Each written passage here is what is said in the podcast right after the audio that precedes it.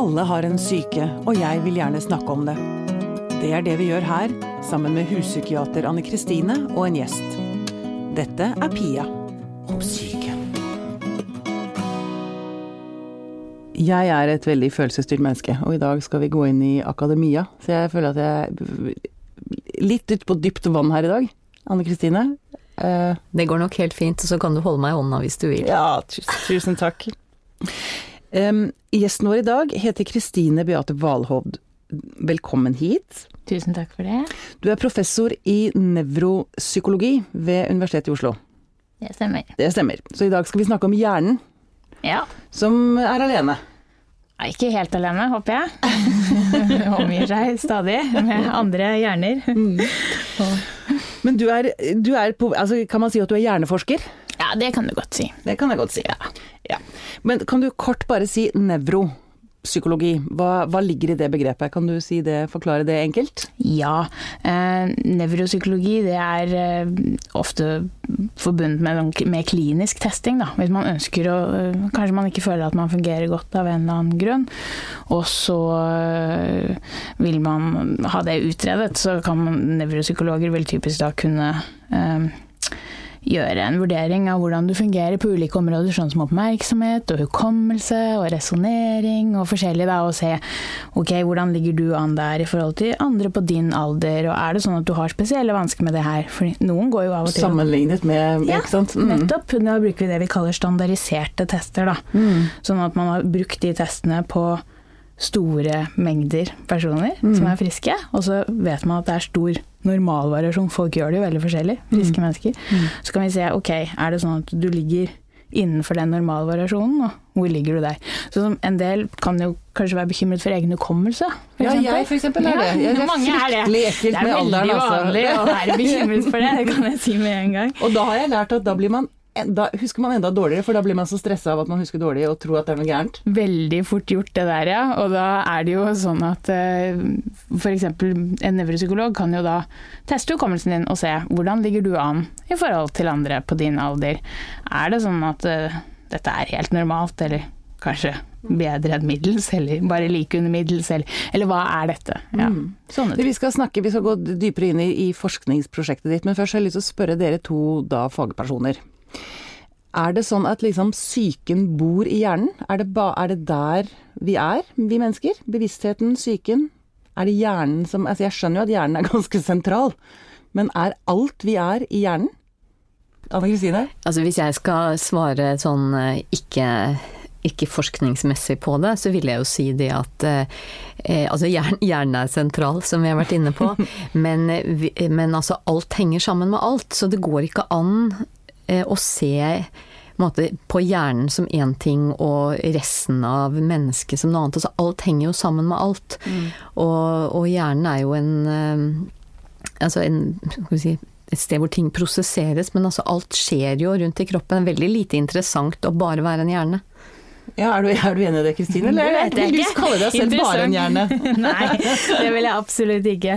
Men det er klart for meg så er nok hjernen er nok sinnet, sånn som jeg tenker på det. Eh, men, men som Ann-Kristin sier, altså det er jo alt henger sammen med alt, og vi kan ikke se hjerne som noe som er atskilt fra kropp eller uh, ytre omgivelser, for den del, uh, på den måten. Men det er klart at det er helt At hjernen er helt avgjørende for alle for, mentale ja. prosesser. Psyken sine, vil jeg si. Uten den går ingen, ingenting. Ja, så sånn sett, så for meg så er nok hjernen i stor grad det vi kaller sinne, eller the mind, da. Ja, nettopp. Du, nå har du et forskningsprosjekt, og dere forsker, du, dere forsker på forståelsen av mekanismene for ulike typer endringer i hjernene og kognisjon, og hvorvidt og hvordan vi kan påvirke disse. Ja, det er komplisert. ja. Kan du snakke, kan du si det til meg som om jeg var et barn? Ja, eh, det vi gjør da, sånn i praksis, er jo at vi, vi er en forskningsgruppe vi kaller oss for LCBC, eller Lifespan Changes in Brain and Cognition. Lifespan Changes in Brain and Cognition, ja. ja mm. Livsløpsendringer i hjerne og kognisjon. Ja. Og for eh, kognisjon er jo nå et ord som er mye brukt, men kanskje vi bare skal si noe om hva det er. Ja, det, ja. Mm. det er jo mentale prosesser, sånn som oppmerksomhet og hukommelse og resonnering og eh, osv. Så, mm. så, så vi forsker bredt på dette, og hvordan det utvikler seg, Mm. over livsløpet. Mhm. Eh, og veldig mye hos friske mennesker. Er, eh, og vi ser på hvordan de forandringene som skjer hos friske mennesker, henger sammen med forandringer i hjernen. Eh, og så har vi også noen grupper som kanskje sliter litt mer med enn noen kognitive prosesser. Da. Det kan være alt fra folk som lurer på om de begynner å utvikle en demenstilstand, eller det kan være eh, barn som har med seg spesielle risikofaktorer. Men, men i stor grad så har vi med veldig mange friske mennesker. Så per nå så følger vi mer enn 1000 personer i gruppa vår. Ja, på ulike aldre. Nesten Og da sånn. snakker vi om alt nesten fra spedbarn til uh, med én fot i graven. Forhåpentlig ikke med en fot i graven, de er ganske så oppegående. Men, men uh, stort sett så forsker vi på folk mellom 4 og 95. Men jeg pleier å si 0 til 100. Det hender vi har med noen uh, spedbarnsstudier og det hender at vi Ja. eh, går litt lenger opp. Så Ja. målet er hele livsløpet. Er, det, er, er, ikke, er ikke hjernen ganske konstant? Nei, jeg vil si at det er den ikke. Det er veldig Det er ingen fase i livet hvor vi kan si at hjernen står stille og er helt rigid og i kun én tilstand. Både nevroanatomien, altså hjernens utseende, og, og aktivitet endrer seg jo. Mm. Eh, Så også tidlig i livet så er det jo sånn at vi ser veldig mye vekst i hjernen. Så klart. Ja. Ja. Men øh, og, så når jo den ganske fort sånn omtrent voksen størrelse. Men det foregår allikevel veldig mye spennende som vi må gå litt i detalj for å se, da. Sånn som det er endringer i hjernebarken, dette ytterste laget i hjernen. Og det er endringer i nerveforbindelsen i hjernen. Og vi kan gå inn og se mer spesifikt på det. Men, men ser dere da sånne ting som intelligens eller humør, eller altså, kan man se sånne ting i hjernen? Hvis man bruker blodstrømsmål, sånn at man kan se på hjerneaktivitet, så kan man nok til en viss grad eh, eh, se noe om humør, f.eks. hvis noen blir veldig skremt, så er det aktivering i visse områder osv. Men samtidig så hvis du vil vite hvordan folk har det, så spør dem. det er best. Vi bruker ikke skanneren til det. Nei, det er kanskje like greit. Ja. Men hvis, du, hvis man ser da på hjernen til altså Kan du si noe om de ulike fasene i livet? Altså en, en eh, tenåring, 20-åra, 30-åra, 40-åra, 50-åra. Er, er det noen sånne markante forskjeller du, dere ser i hjernen der? Ja, hvis vi tar anatomien først, da, altså bare hvordan hjernen utvikler seg sånn strukturelt sett, så sa jeg at tidlig i livet så vokser jo hjernen masse. Egentlig vi mennesker, vi er født med en veldig stor hjerne, da, i forhold til kroppen vår. Så Mm. er jo hjernen er prioritert på fosterstadiet, kan I vi si. motsetning til andre dyr, liksom? Ja, vi kroner i hvert fall, vi er jo ganske høyt opp der da, i forhold til andre dyr, når du ser på hjernestørrelse i forhold til kroppsstørrelse. Og ved fødselen så veier kanskje hjernen ja, nesten 400 gram, eller 350 gram eller noe sånt, og utgjør da ofte mer enn 10% av kroppsstørrelsen. da. Også hos voksne så kanskje den er sånn 1,3-1,4 kilo eller noe sånt. Stort sett så er det langt mindre enn 10% Så vi kan se at det er veldig prioritert tidlig i livet, det er, og denne hjerneutviklingen. Og så fortsetter den helt vanvittig gjennom spedbarnsalderen. Så i løpet av bare første leveåret så vil hjernen mer enn doble sin størrelse. Wow. Så det er jo masse, masse, masse som skjer tidlig. Og det ser du jo på disse barnehodene som, som vokser og vokser, og allerede i spedbarnsalder så har den jo kanskje nådd sånn 80% eller ja, i hvert fall tidlig i livet, de første to-tre åra, så vil den ha nådd eh, kanskje 80% av voksen størrelse. Mm. Og det er jo ganske vanvittig utvikling som skjer da. Så det er det rent sånn strukturelle, og hva er det det skyldes? Jo, vi vet at det, det kommer på isolering av nerveforbindelsene våre, så nervesignalene går fortere, og så er det jo eh, også det dannes nye kontaktpunkter i hjernen, eh, mye av det her. Og så senere så er det ikke denne mest dramatiske veksten, men som jeg sier, det er en fortsatt utvikling både i nerveforbindelsene og eh, Selvfølgelig så er det også blodforsyning og andre ting som utvikler seg. Og så videre da, opp i skoleårene, så ser vi da at eh, med MR så ser vi at hjernebarken synes som den blir tynnere, dette grå ytterste laget av hjernen vår. Og det kan være både på grunn av at eh, kontaktpunkter mellom nerveceller, de beskjæres. Altså de som Ja, men når, når du sier kontaktpunkter, hva Mm. brukes de til? Hva bruker vi kontaktpunktene våre til? Ja, det må vi jo ha for å kunne sende signaler. Ja, ikke nettopp, sant? Ja, eh, nettopp, ja, men det er jo Mm. et godt spørsmål. Vi, eh, vi, vi må jo Hjernen prosesserer jo, som du sa. Eh, Mm. For, å, for å huske noe, så må man jo sende signaler mellom nerveceller. Og da på en måte finstilles disse forbindelsene, da, kan du si. Ja, okay. Oppover kanskje gjennom skoleårene og sånn. Mm. Og så er det også det vi kaller en myelinisering eller isolasjon av nerveforbindelsen, så signalene kan gå fortere. Og det ser vi også. Barn blir kjappere til å reagere, ikke sant. Ja, ja, opp gjennom skoleårene.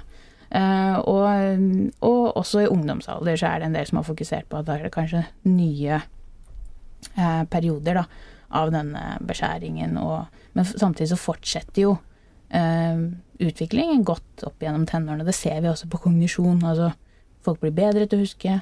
Arbeidshukommelsen deres blir bedre. Mm. De blir raskere til å reagere. Mm. Og så kommer det på et eller annet tidspunkt opp i 20-åra, så blir vi kanskje ikke så mye bedre lenger. Nei. Men og da, da stopp, stopper uh... Men utviklingen stopper ikke. Utviklingen stopper ikke? Nei. Men jeg, jeg pleier å si til sønnene mine at dere er heldige, for dere blir bedre helt av dere sjøl. Men hvis jeg skal bli bedre, så må jeg virkelig jobbe for det nå. Ja. Og det er klart, når jeg sier at barn blir bedre helt av seg sjøl, så er det De jobber jo masse med ting, de også, og de får en masse stimulering utenfra. Men voksne kan også vise endringer i hjernen knytta til det å bedre prestasjonen sin, f.eks. på hukommelse, eller Det er noe av det vi studerer. Hvordan endrer hjernen seg med trening? Ja, nettopp. Ikke sant? For det er jo egentlig det som er interessant her, hvordan man faktisk selv kan påvirke eh, Påvirke sin egen utvikling, sin egen hukommelse og sin egen kondisjon og sin egen eh, det, det ser dere veldig mye at, at, at det faktisk Jeg vet jeg hørte en sykepleier som sa at eh, eldre på gamlehjem eh, holder seg klarere veldig mye lenger hvis de løser kryssord eller spiller bridge eller Det er en eh, observasjon som man ser i mye større studier òg, ikke bare på sykehjem. Men de som holder seg mentalt aktive, mm. de har en tendens til å ja, ha bedre kognitive evner, da, også i Mm. eldre år. Mm. Men så vet man ikke hva den sammenhengen skyldes. For det kan jo hende ikke sant, at de som løser kryssord og det her du snakker om, da, Mm. At de gjør det fordi de i utgangspunktet har bra evner, og at hjernen Ja. deres er ganske Ja, og derfor er de friskere, Ja. eller mm, Eh, det kan jo selvfølgelig være at de blir friskere av å gjøre det også. Ja. Men da, for å virkelig teste det, så må man gå inn og gjøre en eksperimentell studie. Må man sette folk Si at ja, du, nå skal du trene, f.eks. løse kryssord, da, mens Mm. du skal ikke gjøre det. Mm. Og så må vi observere om det går forskjellig over tid. Ja, Det er noe av det vi gjør. Ikke Mm. kryssord, da. Nei, men, men opp, oppgaver som trener hjernen. Ja. Jeg regner med at um, det å holde hjernen i form også har ganske mye å si på følelseslivet, eller psyken, liksom. Velvære. At man har det bra som menneske. Ja, og jeg, og jeg ser jo at når du, når du snakker nå, så får jo jeg masse assosiasjoner til det. Og alt fra det du forteller om, om barn, og at hjernen er i en rasende utvikling. Eh, altså det vet vi jo, men vi vet jo også da at det er viktig at barn har det sånn rundt seg som de bør ha det. For kunne Altså for at den utviklingen skal kunne skje. At de, skal, at de er trygge, liksom. ja, og at uh, altså, de skal jo ikke bruke så veldig mye krefter på å, på å lure på om de får mat, og om det er trygge voksenpersoner i nærheten. Sånn at noen av de forutsetningene som vi tar litt sånn for gitt. Vi blant annet eh, leste en artikkel for en tid tilbake om en liten gutt som var blitt plassert i en hønsegård, mm. og vokste opp sammen med høner, og ikke mennesker. Mm. Og ikke sant, det gikk ikke bra. Eh, fordi at eh, han fikk jo ikke da eh, måtte utviklet seg i samspill med andre mennesker. Og det er jo også noe av det spennende med, med hjerneutvikling, som selvfølgelig jeg ikke kan noe detaljert om. Men det er det at vi er jo altså, Mye av de kontaktpunktene som vi snakker om, og det er altså, al- altså Det utvikles jo i møte med omverdenen og andre mennesker. Mm. Og nå vil det jo selvfølgelig aldri være aktuelt å gjøre et forskningsprosjekt på å legge et lite barn inne på et mørkt rom uten stimuli, men vi kan jo bare tenke oss at det ville gått skrekkelig dårlig. Jeg regner med at dere ville sett noe av det på bildene deres, eh, Kristine? Eh, Ja, det kan nok være. Samtidig så tror jeg det er viktig her å skille du, no, Det du refererer til her, det er jo no, en sånn veldig alvorlig, et veldig alvorlig avvik. ikke sant? Hvor, fordi For oss som mennesker så er det jo noen erfaringer som er artsobligatoriske, vil jeg si. altså Sånn er det for alle dyr. Og vi som mennesker vi er en sosial art. ikke sant? Og vi, vi, vi skal ha samspill med hverandre, og, og noen av de obligatoriske erfaringene er jo nettopp det samspillet, og også språklig. At vi, for å lære språk, så må man selvfølgelig Snakke det, eller høre det. Og høre, Mm. og ikke, ja, ikke bare høre, men snakke med andre. Og der er det sånn at det du kommer inn på der, det, da kan vi snakke om en kritisk periode, eller eh, det begrepet hvor, hvor vi tenker at det er noen eh, erfaringer som man må ha innen en viss periode for at hjernen skal utvikle seg normalt, eller optimalt, da. Mm. Eh, og det gjelder nok bl.a. blant annet sånn som språk og dette samspillet, men, men vi kjenner ikke til noen nevrale korrelater sånn direkte for det her, da. Eh, men vi kan si at eh, eh, du snakker om et mørkt rom. Mm. Eh, der er det jo gjort eh, en del studier der vi vet at tidlig avvik i synserfaring, visuell erfaring, kan skape permanente endringer i hjernen. Eller vil gjøre det. Hjerneskade snakker vi om da, eller? Det, da Eller- begynner vi å nærme oss eh, begrepet hjerneskade. Jeg er veldig skeptisk til å bruke begrepet hjerneskade om barn som har hatt avvikende Ja. Mm. erfaringer. Fordi ja, da tenker jeg at det skal veldig mye til for at vi skal kunne bruke det begrepet. Mm. Eh, Jeg er litt sånn skeptisk til det også fordi det skaper en viss eh, pessimisme med hensyn til Ja.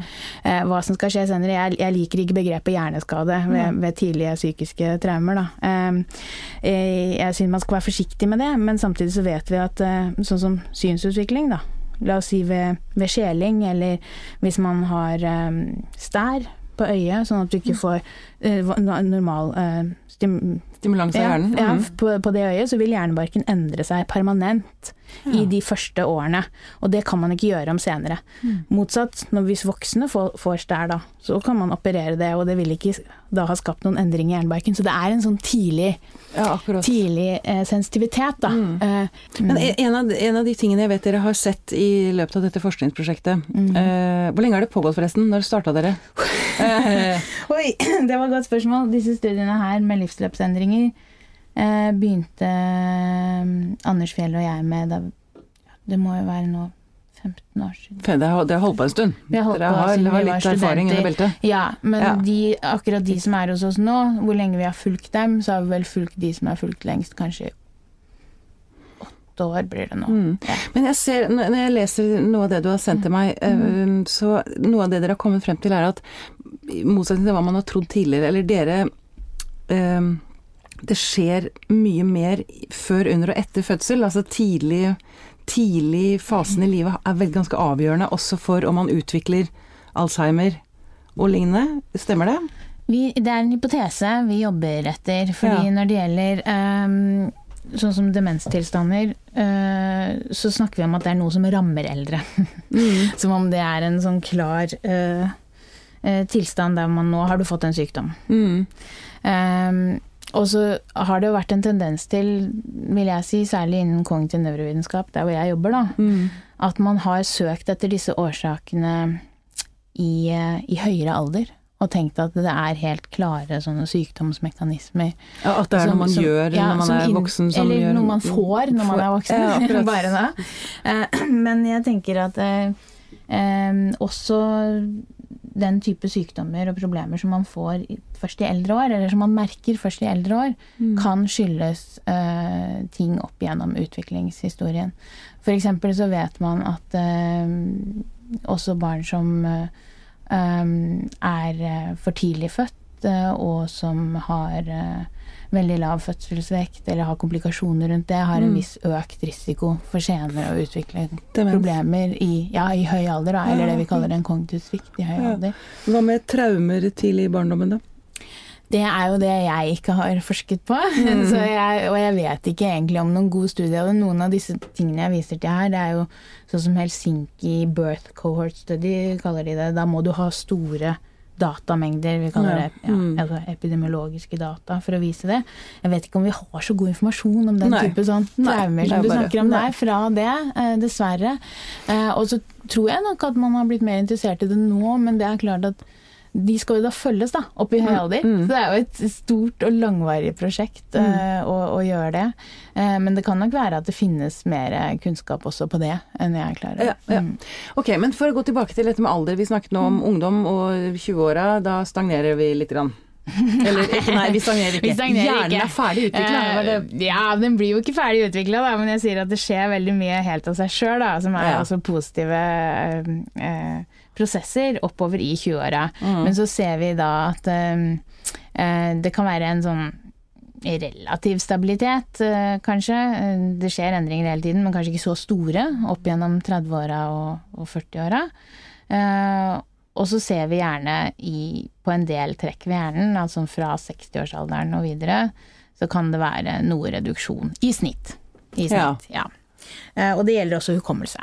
Ja. Ja. Men eh, sånn som jeg, jeg er mest opptatt av meg selv. Mm.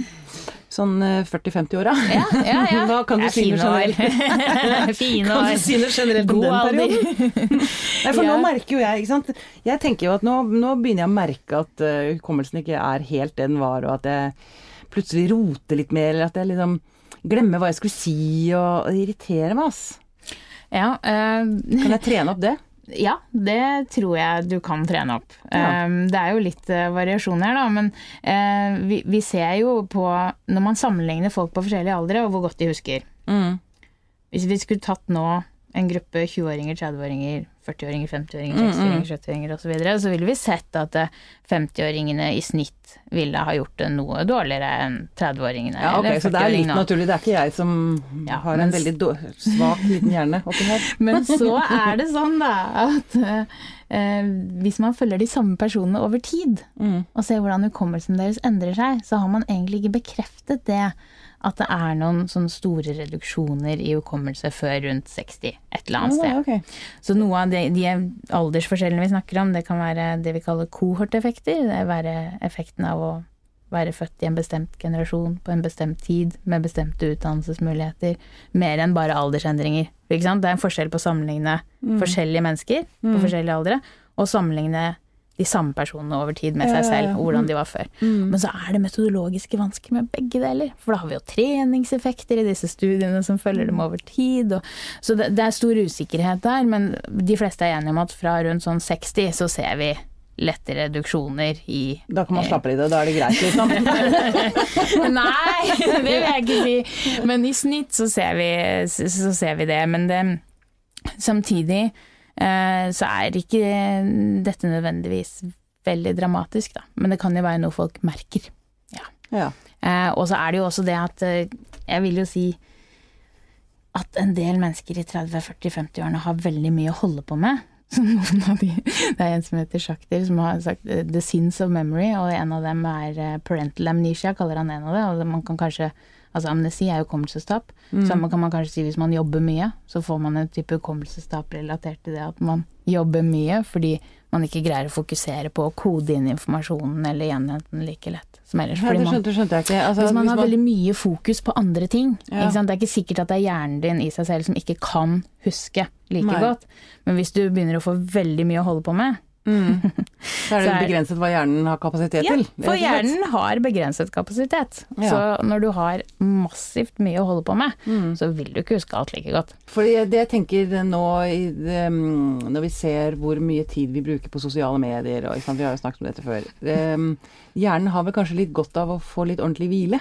Ja, vi har sett på det her med søvn i forhold til hjerneendringer over tid. eh, Og i eldre år så har vi jo sett at de som eh, sover dårlig, viser eh, noe større reduksjon i hjernen over tid.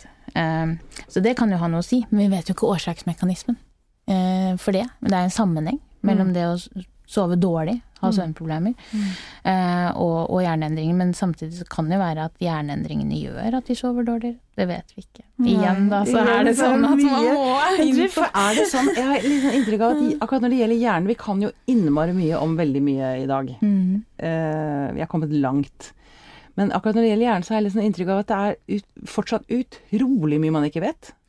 Er det jeg, viktig? Jeg er enig med deg i det, egentlig, så er jeg enig, enig i det. Men, eh, men samtidig så finner vi jo ut stadig mer, da. Mm. Uh, og det har jo skjedd mye, føler jeg, bare de siste ti åra. Ja. Hva, hva er det morsomste dere har funnet ut? Oi, hva er det aller morsomste vi har funnet Mm. ut? Jeg syns jo noe av det morsomste er å se disse mm, treningseffektene på hjernen når folk uh, trener på å huske ting. Og, og så ser vi hos disse eldre at da skjer det også positive endringer i hjernestruktur og eh, Ja. Og det syns jeg er kjempegøy. Ja. Men betyr det at det er lurt å spille memory? Kanskje Eller, det. Eller, eller hva, vil du anbefale sånne, som, som, Hvis man har lyst til å holde hjernen sin i form, det er jo mye fokus på å holde t- kroppen i form. Ja. Hvis man vil holde, holde hjernen sin i form, hva, dere to fagpersoner, hva er det Eller ja, først og fremst hjerneforskeren, da. Hva man skal gjøre. For Lære nye språk, var det lurt? Ja, jeg, jeg anbefaler alle å trene på akkurat det de ønsker å bli bedre på. Sånn som hvis du sier at du har problemer med å huske bestemte ting, da vil jeg trene på akkurat det. Fordi det som er vist med disse treningsstudiene, dessverre, er at man blir bedre på akkurat det man trener på. Det er ikke sånn at hvis man trener på å huske bedre, så blir man også bedre på resonnering eller kryssord, da, for den del. Ja. Så du må trene på det du skal bli bedre på. Ja. Men så vil jeg jo også anbefale alle å- holde på med ting de har lyst til å holde på med. Ja. Fordi det er noe med humøret oppi dette her òg. Ja.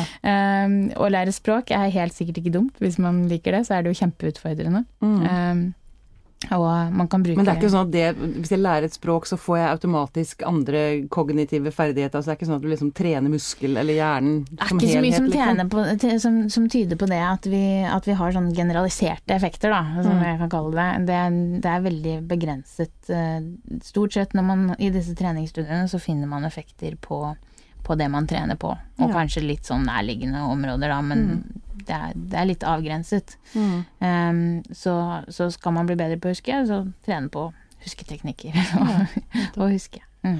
Du, hvor langt er dere kommet i forskningen, eller altså, hvor, hvor vil dere med den? Når, er dere, når har dere et resultat? Hva er det dere liksom Heldigvis så har vi resultater hele tiden. Eh, og vi er jo så kjempeheldige at alle disse personene har lyst til å være med oss eh, og, og komme tilbake. Og ta bilder og gjøre tester og alt det her. Så det er det, er det, det, er det første at jeg håper at de fortsetter å komme tilbake. For da begynner vi å kunne se det over, over lang tid. Um, og vi, vi finner jo hele tiden ut av sånne ting som jeg sier, hvordan er det endrer seg når vi trener på å huske. Det har vi jo funnet ut en, en del om. Eh, og så har vi ønsker vi også å se hva er den normale eh, aldersendringen på tvers av en god del kognitive prosesser. Da. Mm. for det vet vi for lite om fra store eh, studier. Og der, vi må ha med liksom, bredden, variasjonen, i dette. Og hvordan henger det sammen med hvordan hjernen endrer seg. Og er det da spesielle risikofaktorer som man kan trekke fra tidlig i livet, kanskje, som har betydning for endringene eh, når man blir eldre. Det er sånne ting som vi håper å finne ut av nå, da, ved å følge opp disse personene videre. Og også det at de samtykker til at vi henter inn data om dem fra alt fra hvordan de fungerte da de var, i, var på sesjon i militæret, eller Ah, ja. eh, det kan være eh, data knyttet til eh, rundt fødsel, eller sånne ting. Mm. Men betyr det eh, mm, i ytterste konsekvens at man liksom kan som du snakket om Alzheimer i sted, eller demens, da. Mm. At man kan gå inn og, og sette inn tiltak tidlig i, i livsløpet for å forhindre eller utsette utviklingen av, av demente Det ville jo være eh, fantastisk hvis vi finner eh, hvis, vi, hvis man finner eh, ut hvordan man kan i større grad forebygge det. Jeg Mm. tror nok eh, at også demenstilstander er, er noe hvor man eh, vil ja, finne ut ting om forebygging, nettopp. Mm, Fordi mm. vi har ikke veldig effektive medisiner eh, mot dette i dag, med en gang man har en sånn sykdom. Eh, og eh, der er det jo studier som tyder på at det er, det er, det er flere livsstilsfaktorer og, som også henger sammen med dette. Men igjen så er det det her med årsak og virke. Ja, hva, hva er årsaken og hva er virkningen? Og, og vi trenger å se dette eh, i, i langtidsundersøkelser over tid, da, for å finne ut mer om det. Så ja, jeg håper virkelig at vi finner ut mye om hvordan man best kan forebygge. Samtidig så tror jeg det også er viktig å fokusere på at man har ikke selv eh, noe sånn Man sitter ikke selv ved roret og sier 'her bestemmer jeg hvordan det går med meg Med gjennom hele livet'. Nei. For sånn, sånn er det ikke. Noen er mer uheldige enn andre. Det er jo Eh, man er født med noen gener, man er født med et Nettopp. Mm. Og det betyr ikke at man ikke kan gjøre noe, men det betyr ikke at man selv kan forhindre alt, ikke sant. Det Mm. er litt viktig å, å også fremheve det. Ja, ja, ja. Hva tenker du, eh, huspsykiater Anne Kristine? Jeg syns jo det er veldig spennende, og det er veldig bra at det, at det forskes på alt mulig, også på hjernen. Eh, Jeg blir jo veldig opptatt av at eh, forskning eh, ikke skal skje måte, i et vakuum, Mm. men at eh, alt annet folk opplever i livene sine har betydning. Mm. Sånn at vi må ikke glemme de mer si, sosialpsykologiske faktorene. Og for ikke å snakke om etikken.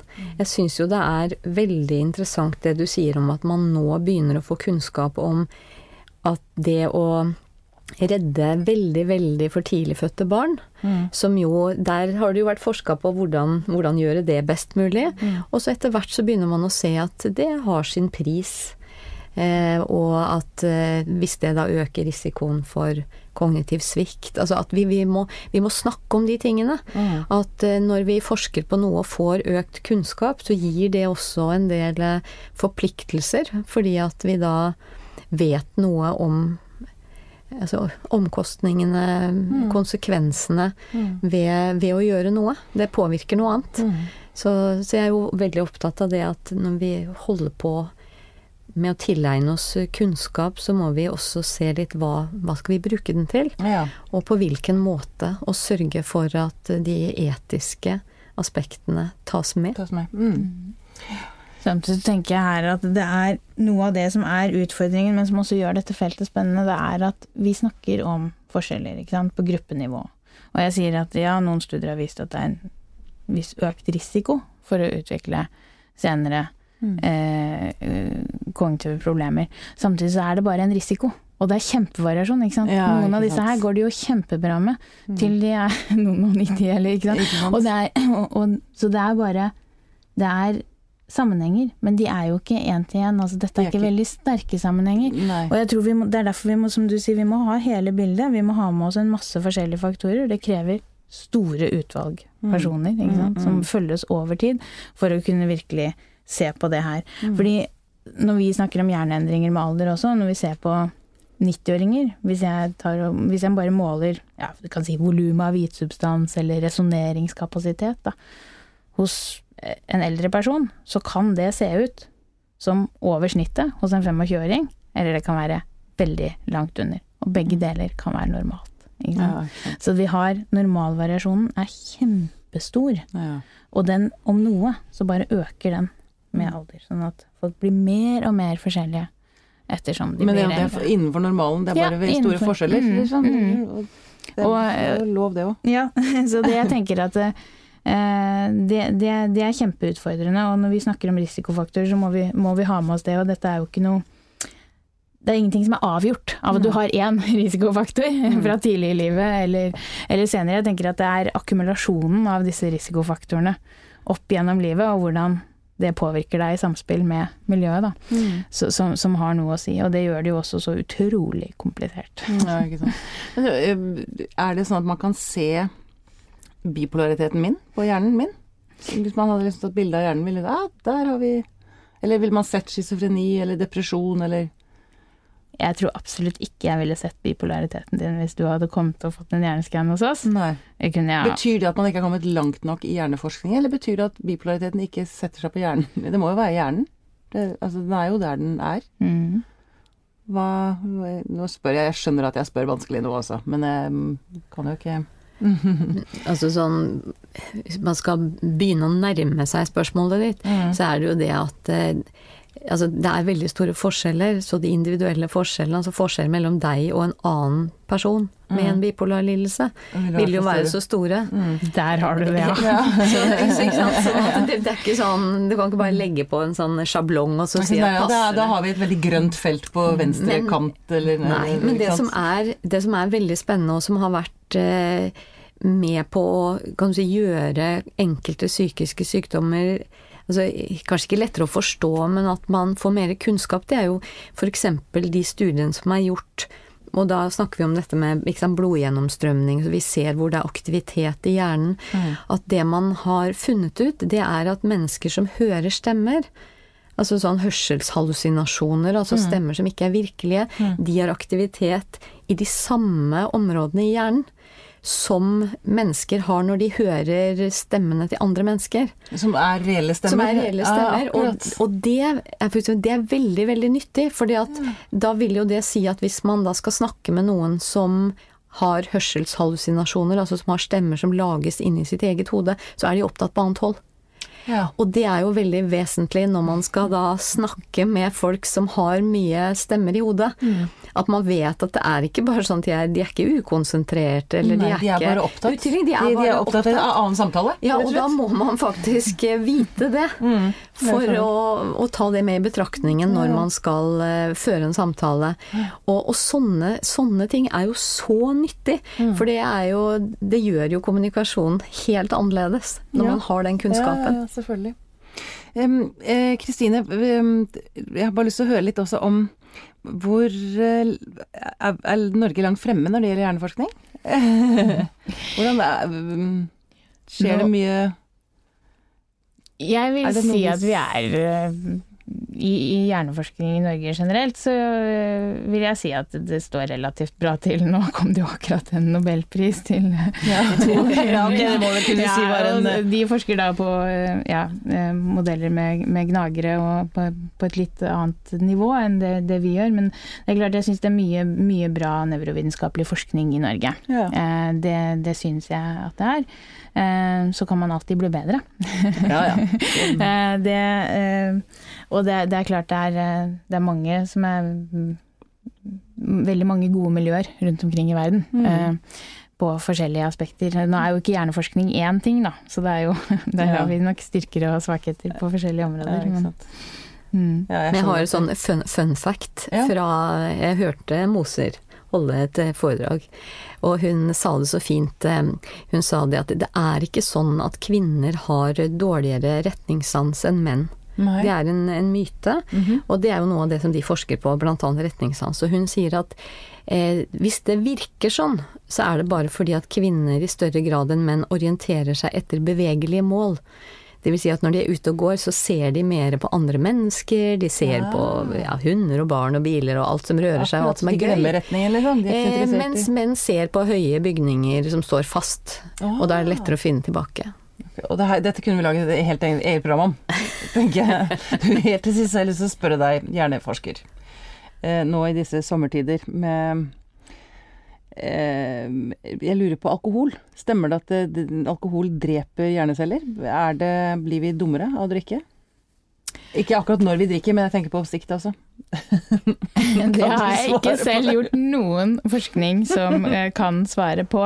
Um, når det gjelder om alkohol dreper hjerneceller, så vil vi aldri kunne være på et cellenivå i vår forskning når vi tar disse bildene, bare så det er klart. Vi er nei, nei, ikke på et nivå hvor vi kan se hvilke prosesser det er som skjer. Det som vi Igjen da, så vil sånne studier som vi gjør, det egner seg veldig dårlig til å se på det. Fordi faktisk i noen av våre utvalg så er det sånn at de som drikker litt mer, de trener kanskje litt mer også, og kanskje noen av dem til og med har litt høyere utdannelse. og hvis du har sånne sammenhenger, så kan vi ikke synge ut det! Jeg beklager det, altså. Men det, det, er veldig kjedelig å være den forskeren som bare sier at nei, det kan jeg ikke vite. Men ut fra våre studier på mennesker, så er, egner det seg ikke å si noe om det. Dessverre. Men det er klart det at eh, det vil jo være en risikofaktor hvis, hvis det er et misbruk uh, av alkohol. Det sånn vet man jo. At det skaper, at det skaper uh, skader på hjernen. det, det det er helt klart. Mm. Men jeg skal ikke si noe om det ene glasset her og der. Det tror jeg jeg skal holde meg for god til. Ja, det er greit. Det er greit. Men uansett, tusen takk for at du kom. Tusen takk for at jeg fikk komme.